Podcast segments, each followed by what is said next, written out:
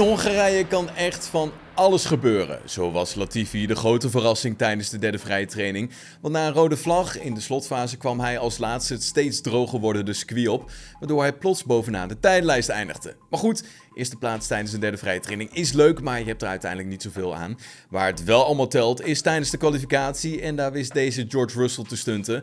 De Mercedes-coureur zette een 1.17.3 op het bord en liet daarmee de concurrentie achter zich.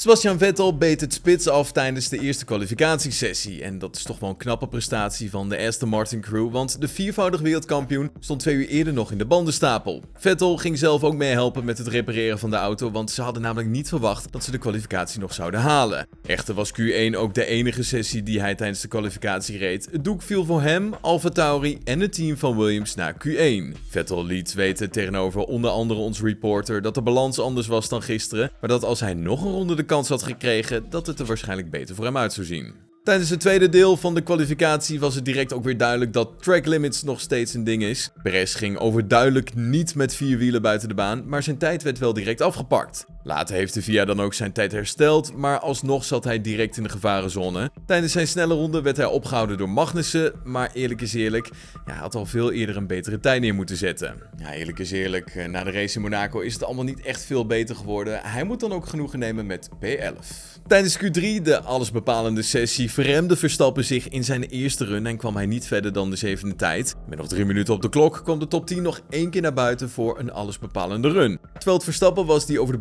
boordradio liet horen dat hij geen vermogen had. Niets werkt. Zo zei hij gefrustreerd en was hij flink aan het schelden over de boordradio. Allemaal echt een dramatische dag voor het team van Red Bull Racing. Ja, uiteindelijk was het George Russell die met een 1.17.3 pole position wist te pakken. Hij zag dit niet aankomen. En op de vraag of Mercedes nu terug is, antwoordde Mr. Saturday het volgende. Om eerlijk te zijn, weet ik dat niet. We moeten eerst begrijpen waar dit vandaan kwam. Er zijn geen punten te verdienen tijdens de kwalificatie. Maar we hadden over het algemeen goede race pace. Maar de Ferraris zagen er op vrijdag ook erg snel uit. Maar goed, we gaan er vol voor en dit was in ieder geval een speciale dag. Ja, Max Verstappen begint morgen dus vanaf P10 en waar het nou precies misging, dat weet hij nog niet. Ik ben nog niet bij het team geweest om te kijken wat het was, maar dit is natuurlijk enorm frustrerend. Zeker omdat het erop leek dat we best wat snelheid hadden gevonden en dan is dit natuurlijk enorm balen. Ja, Max Verstappen denkt dan ook dat hij voor pole position had kunnen gaan. Als je naar Q2 keek, denk ik dat alles er een stukje beter uitzag. Het is altijd maar de vraag waar je eindigt, maar de snelheid zat er goed in. Hopelijk verliezen we niet te veel tijd in het begin naar de jongens vooraan, want dat is natuurlijk waar we echt mee vechten. We gaan het zien.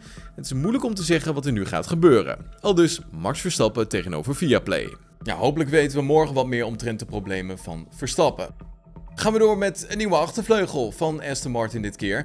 Want Christian Horner deelde een klein speldenprikje uit door te stellen dat het misschien wel eens tijd wordt dat Red Bull Racing een onderdeel van Aston Martin gaat kopiëren. Maar goed, door het ontwerp zou het zomaar kunnen zijn dat een achterligger weer meer last heeft van verstoorde lucht achter de Aston Martin.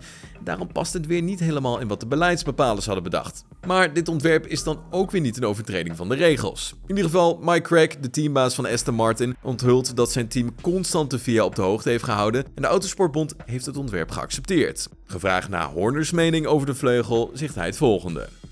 Het belangrijkste is dat het voldoet aan de regels. Daarnaast opent het een nieuwe weg die best wel interessant is. Ja, Aston Martin bracht in Spanje een groot updatepakket mee wat best wel leek op de RB18. Daar count het Horner nu op. Misschien kopiëren wij nu iets van een Aston Martin in plaats van andersom. Dus je weet maar nooit. Zo grapt de teambaas van Red Bull Racing. Heb je genoten van deze aflevering? Laat je dan horen op onze Apple Podcast pagina of vergeet ons niet te volgen op Spotify. Tot dan. Hoi.